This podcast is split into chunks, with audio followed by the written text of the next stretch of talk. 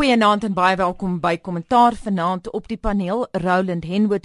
Hy's 'n dosent in politieke wetenskap by die Universiteit van Pretoria. Goeienaand Roland. Goeienaand Anita. En dan Pieter de Tooy sit gereed met ons nuuslys en hy's natuurlik 'n ou bekende op kommentaar, die nuusredakteur by Beeld. Welkom. Dankie Anita. En dan gesels ons met 'n nuwe stem op hierdie program, advokaat Ines Besaidnout. Sy is direkteur van die Universiteit van die Vrystaat se Regskliniek. Goeienaand en welkom by die paneel. Goeienaand Anita, baie dankie. Nou ja, Pieter, mens hoef nie veel te wonder oor die hoofnuus van hierdie week nie. Dit is moontlik die kortste nuuslys wat ek nog ooit op kommentaar gedoen het, Anita. Twee belangrike stories hierdie week natuurlik Oscar Pistorius wat sy borg verhoor in Pretoria se Landdroshof gehad het, al die drama rondom dit. En dan uh, eh, Dr. Mampela Rampele wat haar lank verwagte politieke platform, politieke organisasie, politieke beweging wat ook al dit is, ons is nog nie heeltemal seker nie. Dit het sy maandag geloods in die parlement het die uh, was die debat oor die staatsrede is is gevoer met die president wat ook repliek gelewer het terwyl daar ook weer hierdie week geweld by Amplats was wat uh, die maatskappy se aandeleprys weer laat val het en weer die kollig op myn geweld geplaas het. Pieter, ek wil by jou stil staan. Jy het die storie gebreek. Ons gaan baie baie lank en in diepte oor Oscar gesels vanaand. Ons gaan praat oor die subjudice reël. Ons gaan die storie uitmekaar trek. En ek wil vir luisteraars verduidelik hoekom ons so lank stil staan by Oscar. Grootste nuus storie wat ons nog gedoen het, wat ek nog gedek het in my loopbaan. Jy het die storie gebreek en jy het vir my voor ons op die lig gegaan het gesê jy is oorval deur die buitelandse media. Anita, ek dink nie ons het aan die begin besef wat die omvang van hierdie storie is nie. Ek dink nie ons het besef hoe groot Oscar Pistorius oor see is nie. Ons het aan die begin 'n idee gehad van die romantiek van die storie, 'n bekende atleet, model, 'n uh, 'n uh, uh, meisie doodgeskiet op Valentynsdag. Jy weet, al daai elemente was daar, maar dit het absoluut by die enige proporsies ontplof daarna. En wat was jou gevleelde woorde toe Hilda al jou bel? Toe die verslaggewers in Pretoria laat weet dat uh, ons het 'n hoofberig vir Vrydag en dat Oscar Pistorius sy vriendin doodgeskiet het, het ek vir hulle gesê, het ek eerder vir Sonja Karstens, die nuusredakteur in Pretoria gesê, sê eerder vir my Mandela is dood as wat jy vir my sê Oscar Pistorius, bekende atleet, skiet sy model vriendin op Valentynsdag. Dit was net bizar geweest. Daarna die storie werklik waar ontplof. Daar was elke dag nuwe onthullings. Um uh, die afgelope 8 dae was 'n ongelooflike besige tyd in die media geweest vir ons koerant geweest gewees. Dit was 'n storie wat verskriklik baie dinge verander het en ons sal later op, uh, gesels oor hoe dit hofverslaggewing verander het. Uh hoe dit uh, waarskynlik uh, die subjudicial nou waarskynlik vir eens en vir altyd gebeer het. Jy weet, hopelik sal politici nie meer in die toekoms kan sê hulle kan nie daaroor praat nie want dit is subjudice. Um dit het so verskriklik baie verander. Dit verander hoe digitale media werk. Dit het verander waarskynlik hoe koerante werk. Jy het vir my gesê julle is oorval deur die buitelandse media van Singapore ja, tot Frankryk ja. tot Ek meen dis mense van Fiji hier om hierdie saak te dek. Die die die die die die hof in Pretoria was oorvol met joernaliste. Daar was buite die hof in buite die Landdroshof in Pretoria was daar van daai satelliet vans wat buite geparkeer is vir 24 ure 'n dag die grootste oorseese uh, nuusmedia was hier gewees. Die grootste TV-kanale was hier en, en en en by beeld is ons letterlik oorval met oproepe van buitelandse media, van die BBC, Sky, Duitse TV-stasies, Franse koerante, Singapoorse TV-stasies, Australiese koerante. Dit het so erg gelaak. Uh, Piet Kreer ons redakteur het op 'n stadium gesê, "Right, dit is nou genoeg. Ons is self besig om in die saak te werk. Ons kan nie nog kommentaar lewer op ander media wat ons storie doen nie." Jy weet, dit was 'n verskriklike intense tyd en 'n tyd waar die media vreeslik gewetywer het vir die volgende volgende storie, vir die volgende brokkie inligting, vir die, iets iets om die storie bietjie vorentoe vorentoe mm. te vat. So ek dink dit was 'n tyd wat mense koerante opgeslurp het, nuusmedia opgeslurp het en daar is vrae oor die media se se hantering van die saak. Ons sal sekerlik daaroor ook gesels, maar soos jy in jou inleidende opmerking gesê het, definitief die grootste storie wat baie van ons gedek het en definitief die sto grootste storie waarby ek nog in my loopbaan betrokke was. Ines, ek wil vinnig na jou toe gaan en ek wil 'n aanhaling hier voorlees uit die Independent, die Britse Independent wat besadig en gerespekteer gerespekteerd is. The slow grind of South Africa's justice system, which barely recognizes contempt of court, has been unable to keep pace in the era of social media and rolling TV news. As a consequence, the first disabled global sports superstar has found himself deluged with accusations and insinuations masquerading as facts. Praat ons hierso van trial by Twitter. Ja, Ehm um, Anita wat baie insiggewend is, is wat Pieter nou net gesê het. Ek dink hierdie saak plaas juist die rol van sosiale media so op die voorgrond. Ek dink nie dit was ooit 'n narie in daardie mate op die voorgrond geplaas nie. Maar ek moet hom ook sê, ehm um, jy weet daar was 'n wonderlike uitspraak wat gegee is destyds in 2007 wat hierdie posisie in Suid-Afrika vir ons baie meer uitgekristalliseer het in die hoofrol van Appel en dit was die nuwe televisie saak teen die direkteur van openbare vervolging. Ek dink die luisteraars sal nog onthou van die baby Jordan ehm um, soos dit nou verwys is en wat ontvoer is van die huis en dan hoe die media rol gespeel het in die uitsending van inligting en hoe dit nou beperk moes word vir die gevaar dat dalk die behoorlike regspleging ondermyn. Ek dink net om vir die luisteraar dit in konteks te plaas. Is die subjudicaria op die gaan veral daaroor dat die belange van die persoon wat verhoor word beskerm moet word. En dit gaan daaroor en dit kom van 'n stelsel waar ons in 'n juridische stelsel gehad het met ander woorde die juridische stelsel destyds was die lede hierdie wat gehoor het en jy kon die feite beoordelaar basies beïnvloed het nie wat van buite kom en jy wou dit basies beperk het. So daar's nie vry maar hier gaan ons steeds 'n belange opweeg van die mediavryheid opgeweeg teenoor behoorlike regspleging. So as daar enigsins 'n gevaar is, nie net in die ensin dat die feite beoordelaar moontlik beïnvloed kan word tot 'n sekere gedagtegang of uitspraak, maar ook oor die administrasie van die hele proses, dan kan dit beperk word. So daar is nie in Suid-Afrika algehele verbod op mediavryheid nie en elke individuele saak sal benader moet word op sy eie feite. Daardie regte van mediavryheid kan ongelukkig nie as 'n algehele reël beperk word en sê vir alle gevalle word die media verbied om sosiale media te gebruik of om amper 'n aktiewe rol te speel in die publisering van inligting tydens 'n verhoor nie. Maar dinge het baie verander oor die afgelope jare. Jy weet die Sunday in die uh, afgelope jare liewer. Die Sunday Independent het nou verwys na die feit dat Anton Haber 400 rand ja. of 2 jaar gevangenisstraf opgeskort is gekry. En dit was nou destyds ja. gewees maar uh, Pierre de Vos het vir ons hierdie week in 'n onderhoud gesê eintlik geld die subjudice reël nie streng gesproke meer nie. Daar's min dinge wat nou taboe is. Dis heeltemal reg en ek dink hy baseer ook sy sy feite baseer hy dan ook op die 2007 uitspraak. Dis die ding jy sien ons wil baie mooi moet sê dat hoewel daar nie algehele verbod is nie daar nog steeds risiko's is Hmm. Met ander woorde, die media moet ook besef dat mens dink net hierso aan iets wat strafregtelik beperk kan word. Nie. Soos byvoorbeeld die Haber geval wat jy na verwys het, waar daar 'n opgeskorte vonnis toegestaan is of van 'n boete of dan nou gevangenisstraf. Hmm. Ons werk hier so met soveel regtelike beginsels ook. Jy weet dat as daar laslike beweringe gemaak word deur die media, dat die regspan van stories op 'n stadium kan kom en dan skadevergoeding kan eis vir daardie laslike beweringe. Roland, ons het nie van jou vergeet nie, maar ek wil net ter wille van logika bly by Ines om klaar te praat oor sekere regsaspekte. Ek wil 'n artikel na jou toe gooi wat gepubliseer is in Business Day, hoofartikel en ek wil vinnig aanhaal: The army of journalists tweeting from the Pistorius trial and their counterparts in the less manic but no less competitive broadcast media would be well advised to bear in mind that some prosecutors and police officers are more open to influence than others before all caution is thrown to the wind. Ja, Anita, jy sien dis nie die ding. Ek ek dink net hierdie argument ons regtig teruglei na die waarborge van ons regstelsel. Wat verseker dat die objektiviteit van die feite beoordelaar behoue bly? Jy weet ons grondwetlike bestel sensitiseer basies die regsamptenaar om deurgangs die ingesteldheid te handhaaf dat wat gefokus is op grondwetlike waardes soos die reg tot billike verhoor om uitlatings te maak soos oor die algemeen dit kan feite beoordelaar beïnvloed. Ek dink dit is ongegrond dit is juist die verskil tussen 'n leefstelsel waar jy sit met leuke persone wat 'n feite beoordeling moet maak teenoor geskoolde opgeleide en 'n amptenaar wat gehou word aan etiese reëls mm. feite beoordelaar. En dan moet daar ook so, gesê word Pieter dat die media het foute gemaak. Ons doen uh, 'n storie môre op Monitor wat ek en my kollega Iwer saamgestel het oor die baie foute wat die media gemaak het in die aannames en rapport ja. moet onderskoot kom ongelukkig hierson. Anita, ek dink uh, ek is 'n lid van die media en ek ek werk vir die koerant wat die storie gebreek het en waarskynlik van die begin af gekyk het hoe ver ons die reëls kan druk en mm. hoe baie inligting ons kan kry.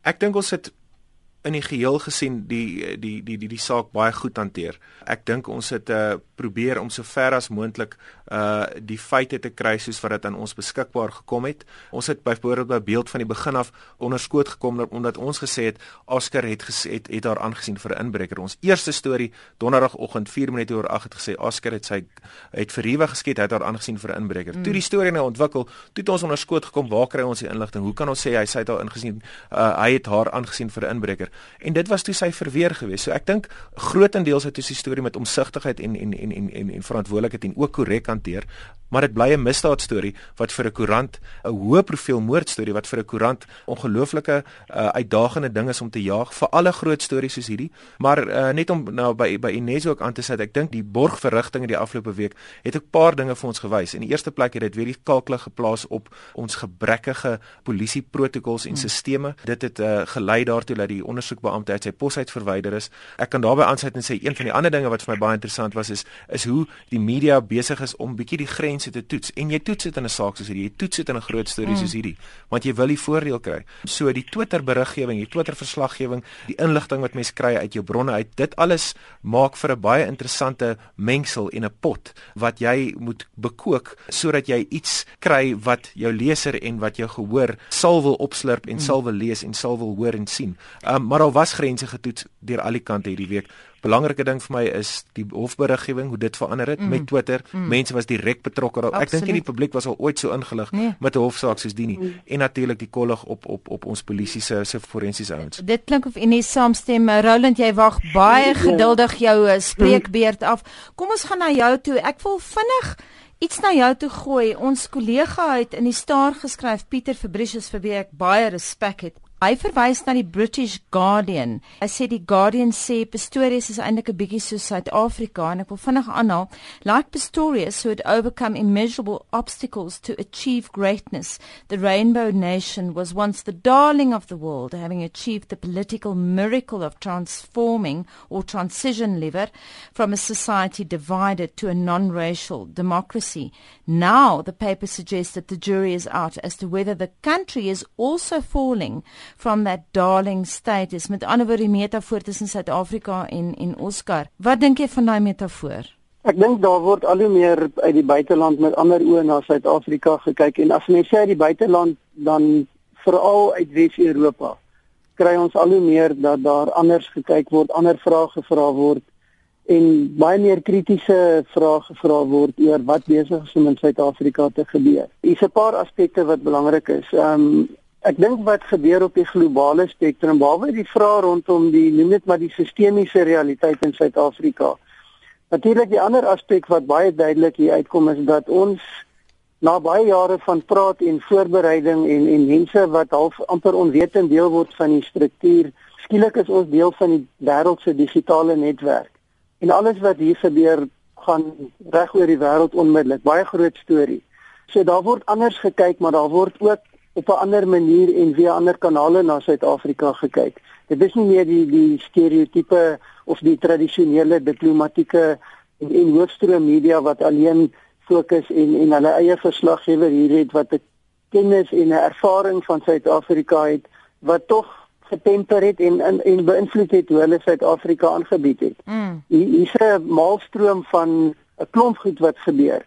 En ek dink een van die belangrike dimensies daarvan is dat die ehm um, oorwoe menings van ervare joernaliste en die versigtige beriggewing oor Suid-Afrika is nou daarmee heen. Hier word nou baie brutaal en baie direk na klomp goed in Suid-Afrika gekyk en ek dink dit is goed aan die een kant.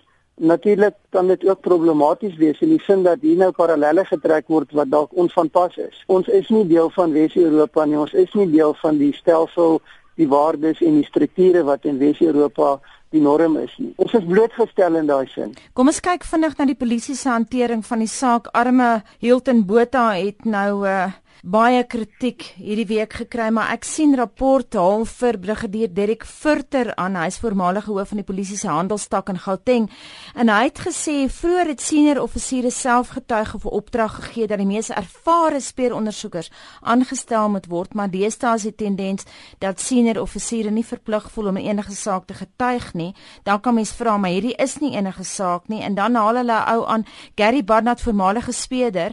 Hy is uh, tans 'n spesialis is forensiese ondersoeker. Hy sê dit is altyd moeilik om in 'n borgaansoek te getuig omdat die ondersoek nog nie klaar is nie.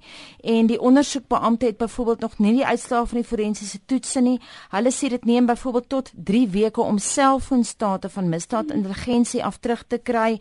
Maar vinnig na jou toe Ines, hoe het die polisie ja. in die hof gevaar? Anita, jy weet, hierdie saak is een van die sake wat verskriklik oop is vir publieke spekulasie. Jy weet, dis 'n saak wat nou gebaseer gaan word op omstandigheidsgetuienis. En ons is vreeslik lief om ons eie idees oor wat daar gebeur het. Ons kyk die hof gaan met afleidings maak oor wat presies die feite was vir daai voorval. Om ons eie idees nou te projekteer op iemand en te sê dis waar dit nou droog gemaak is en hieso sou dit nou anders hanteer.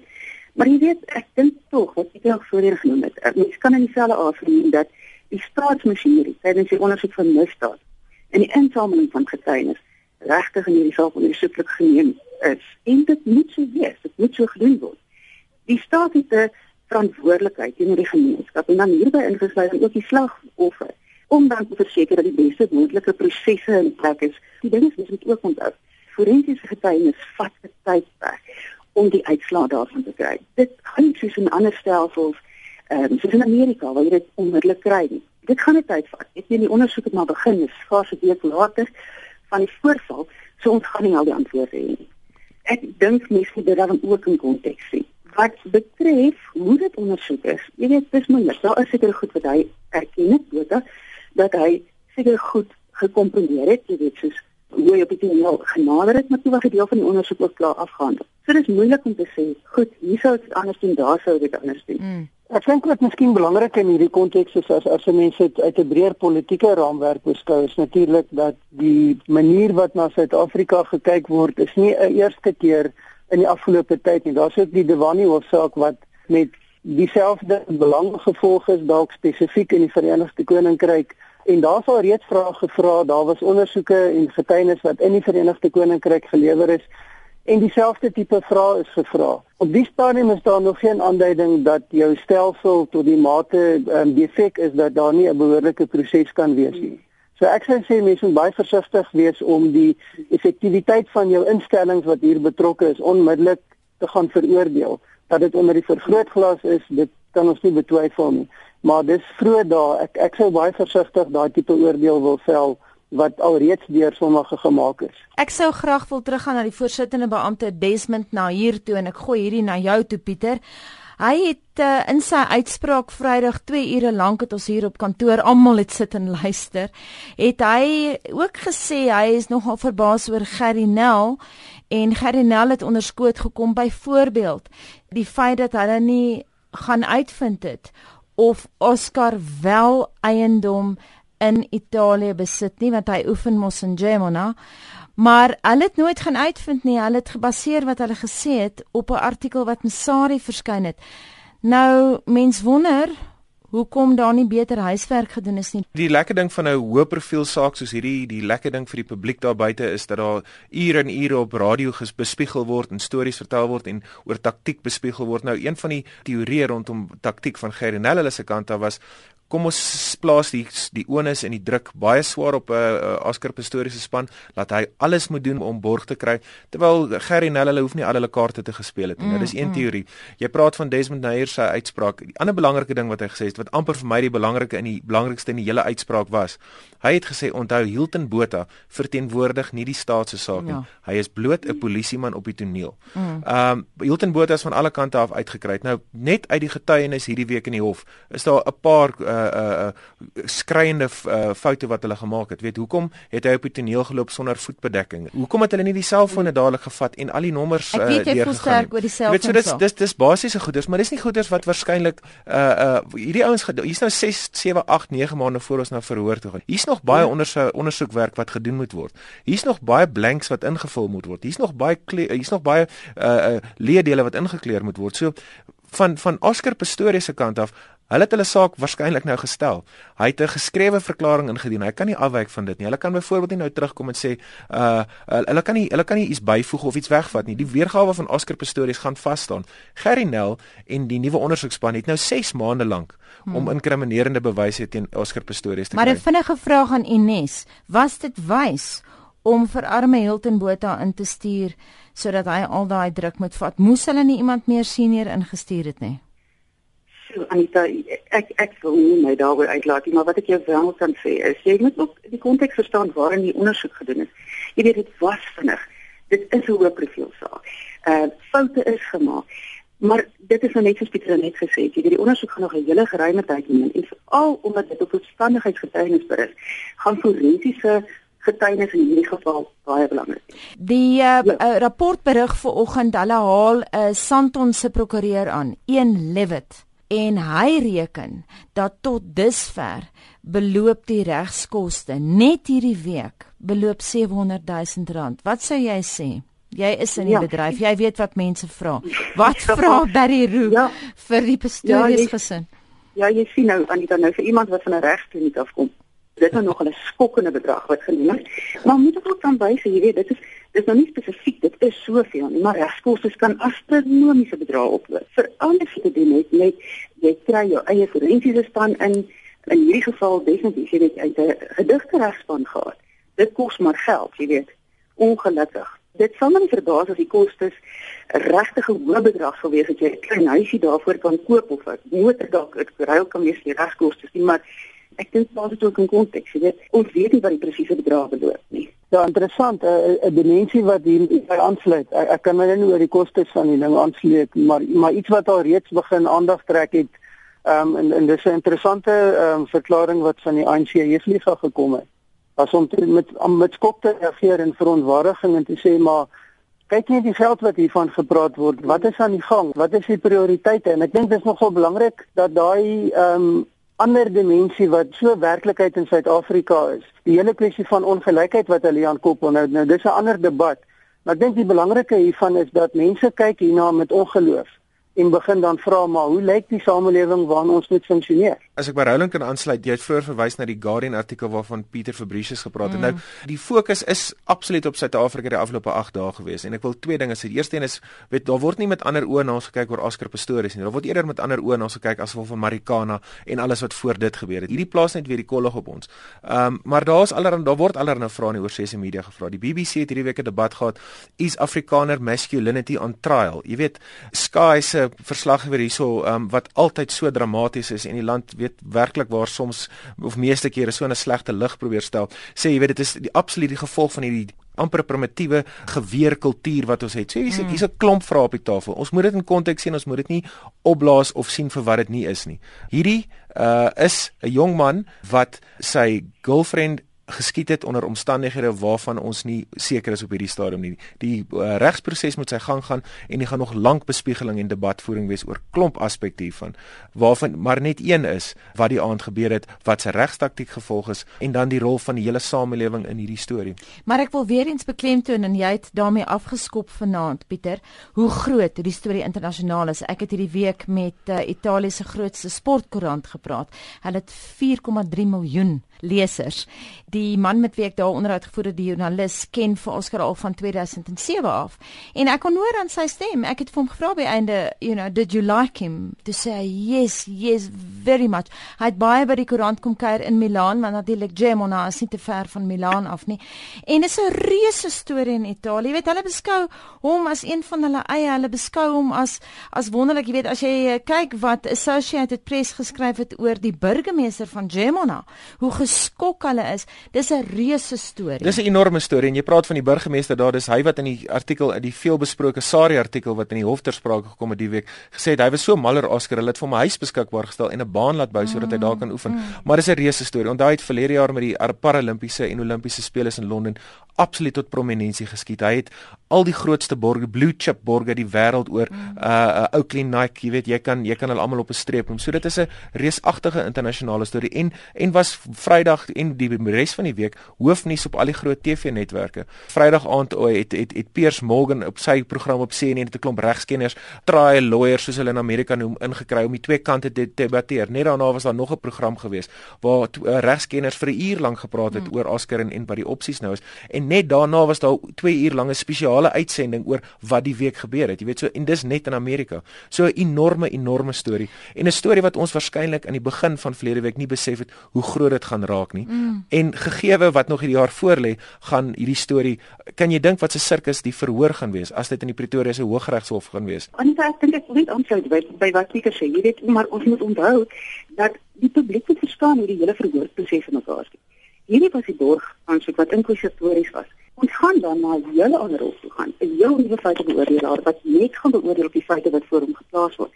Maar mens kan hoor, ek dink en Brownings het nou genoem van 'n fraksie gemeenskap het gesê maar wat nou van geweld en vroue.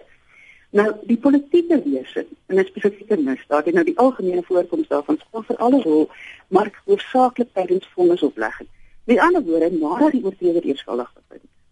So wanneer ons die boodskap na buite wil stuur dat hierdie tipe misdaad van hierdie spesifieke aard nie gedoen sal word nie of hier in Suid-Afrika van geweld, dan moet ons kyk na wanneer dit kom by tydens strafoplegging. Nie voor die tyd nie. Ons kan nie weer bekostig om self te gaan of om die idee te kry dat 'n mens kan veroordeel voordat die reg se normale verloop en wat ons glo regverdig gestel word mm. groot is. As 'n regskenner NS, wat dink jy van die voorsittende beampte van Desmond Nair se 2 uur lange verduideliking oor hoekom ja. hy borgtog toestaan? Was dit ja. goed gefundeer ja. vanuit 'n regsoogpunt? Ja. Anita, ek kan vir jou sê, ons het kyk, dit was natuurlik prominent by elke regsvermaan, jy weet, het ingeluister na die uitspraak. En jy weet, die ding is dat mens om reg kan sê dat dit was 'n fantastiese uitspraak. Dit was 'n baie deeglike uitspraak. Maar die meeste mense wat in die reg is, van sê, ja, dit was bietjie lank, jy weet, was dit nodig om so lank te gaan en mm. te verduidelik. Maar nou moet jy ook aangeneem. Daar's soveel publieke belangstelling en hy het dit so mooi in konteks geplaas. Jy weet, wat is die proses? Hoekom word dit gedoen soos dit gedoen word en hoe werk dit? Dan ook het hy 'n baie objektiewe beoordeling gegee en hy het die staat se swakpunte en die verdediging se swakpunte geëvalueer. Hy bring selfs 'n uitspraak die hele kwessie van publieke belangstelling in en hy sê maar daar is geen getuies voor hom wat sê dat sou die aansoeker op borgveg gelaat word hy 'n gevaar vir die samelewing mm. samelewing kan wees nie. Jy weet so hy elke aspek wat hy moes beoordeel het in terme van artikel 60 van die strafproseswet het hy deeglik na verwys in sy uitspraak. En nou moet ons aanbeweeg na ander nuus toe. Mampela Rampele ook in die kolleg hierdie week en nou gee ons die bal vir jou Roland. Dankie Anita. Ja, 'n uh, uh, uh, belangrike aankondiging dink ek gegee die onlangse geskiedenis en die feit dat ons op pad is na 'n nuwe verkiesing. Nie heeltemal 'n verrassing nie. Daar was soveel bespiegeling en voorbereiding van wat die moontlikhede was dat ek dink Ehm um, wat sy gesê het was 'n bevestiging van wat reeds wyd oor bespiegel is. Ehm um, natuurlik baie vrae oor wat is die moontlikhede en en wat is die probleme hiervan? Die probleme ken ons dat partye wat om enkele individue in Suid-Afrika ontstaan nie noodwendig die die die politieke grense verskuif en dramatiese nuwe ontwikkelinge tot gevolg het nie. Maar ek dink tog as 'n mens gaan kyk na die persoon, die statuur van die persoon, En dan iets wat ek sien wat wat ek nie sien wat aandag trek nie, wat ek dink 'n mens tog in gedagte kan hou as die vraag gevra word, hoekom nou en en wat is die logika en die dryfveer agter? Ons het hier te doen met die persoon wat 'n paar jaar terug, behalwe al die ander goed wat sy doen, was sy die voorsitter van die projek om die ehm um, nuwe scenario's vir Suid-Afrika te ontwikkel, die sogenaamde Dinokeng scenario's. En daarin is baie duidelik gesê dit is wat Suid-Afrika moet doen om sy potensiaal te bereik en 'n goeie lewe vir sy burgers te gee. Dis wat ons nie moet doen nie. En ek het tog 'n vermoede as ek luister wat sy sê en die die goed wat sy uitlig dat sy baie sterk beïnvloed is deur 'n besef wat sê maar ek was deel van hierdie proses en die goed wat ons moet doen gebeur nie en gaan aktief in daai rigting begin deelneem. Hmm. So ek dink hierdie is nie net 'n politieke besluit en 'n persoonlike besluit nie. Ek dink tog hier's 'n tot 'n groot mate 'n beïnvloeding van 'n perspektief van 'n toekomsvisie wat anders is as wat ons by die ander politieke partye gesien het. Daar's nog nie baie inligting oor haar platform en haar beginsels mm. en en en 'n program van ehm um, aksie en goed nie, maar dit wat sy sê sê vir my dit lei terug na daardie baie belangrike projek wat sy by betrokke was. En dit maak dit ek dink baie belangriker. Dit is nie 'n anti of 'n persoonlike ding wat hierdie projek dryf nie. Daar's 'n groot visie agter dit. Net vinnig kommentaar van jou kant af. Uh, Sam Okokeli het geskryf she's able to offer herself as an umbrella under which all opposition parties might coalesce. Kommentaar daarop.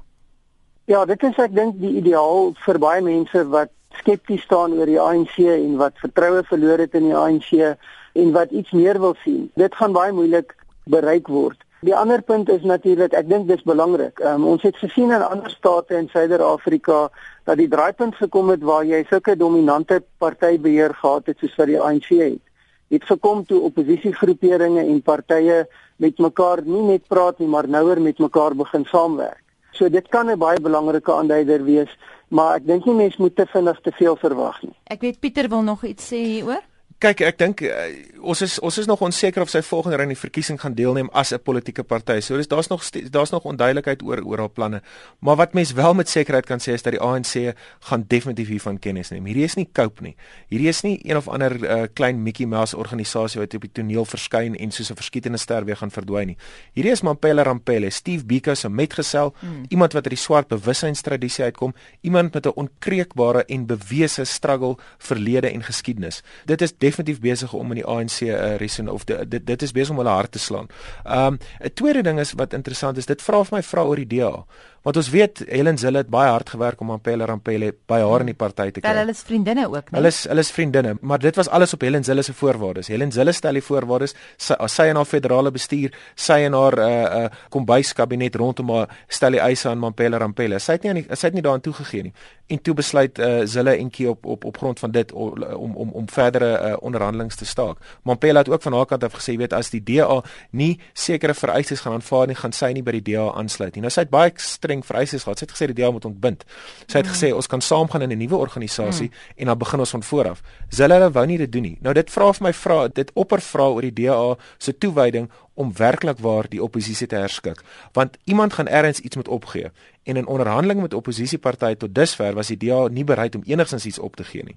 Vinnige laaste vraag aan Roland. Ek wil net hê jy moet vir ons sê gebeur daar miskien iets agter die skerms waarvan ons nie weet nie. Ek dink daar gebeur agter die skerms definitief meer dalk as wat mense waarneem en as wat gesê word. Ehm um, maar ek dink nie daar gaan op die stadium baie gesê word nie. En ek wil aansluit by wat Pieter sê. Deel hiervan is daar se onsekerheid oor wie waar staan en watter gevestigde belange geraak word. Ek dink dit is 'n baie moeilike en 'n baie sensitiewe gesprek en een van die dimensies wat agter die skerms hanteer sal moet word is nie noodwendig die hoofrolspelers en die persoonlikhede nie maar hoe word die strukturele en die ander belange van die onderskeie rolspelers geakkommodeer? Wat daarvan is op die tafel en wat nie? En daardie gedeelte van die gesprek gaan jy eers inligting begin kry in die oop nadat mense wat ontevrede is of dalk baie tevrede is, gaan begin praat daaroor. Maar dat daar gepraat word en dat daar 'n ander benadering is, is baie duidelik. Daar's genoeg tekens alreeds dat ons hier waarskynlik 'n nuwe fase betree. Ek sal nie sê 'n nuwe era nie, maar 'n nuwe fase betree in hoe partye saamwerk en hoe die regering benader word en hoe die politiek benader word. Baie dankie laaste woord vanaand aan Roland Henwood. Hy is 'n dosent in politieke wetenskappe by die Universiteit van Pretoria. Dankie. Dankie Anika. En baie dankie aan Pieter De Tooy, beeld se nuusredakteur en ook die persoon, die koerantliewer wat die Oscar storie gebreek het. Baie dankie vir jou insette vanaand Pieter. Dis 'n plesier Anita. En baie dankie aan Ines Besuidnout, advokaat Ines Besuidnout, sy is direkteur van die Universiteit van die Vrystaat se regste net. Dankie vir jou insette Ines. Baie dankie Anita.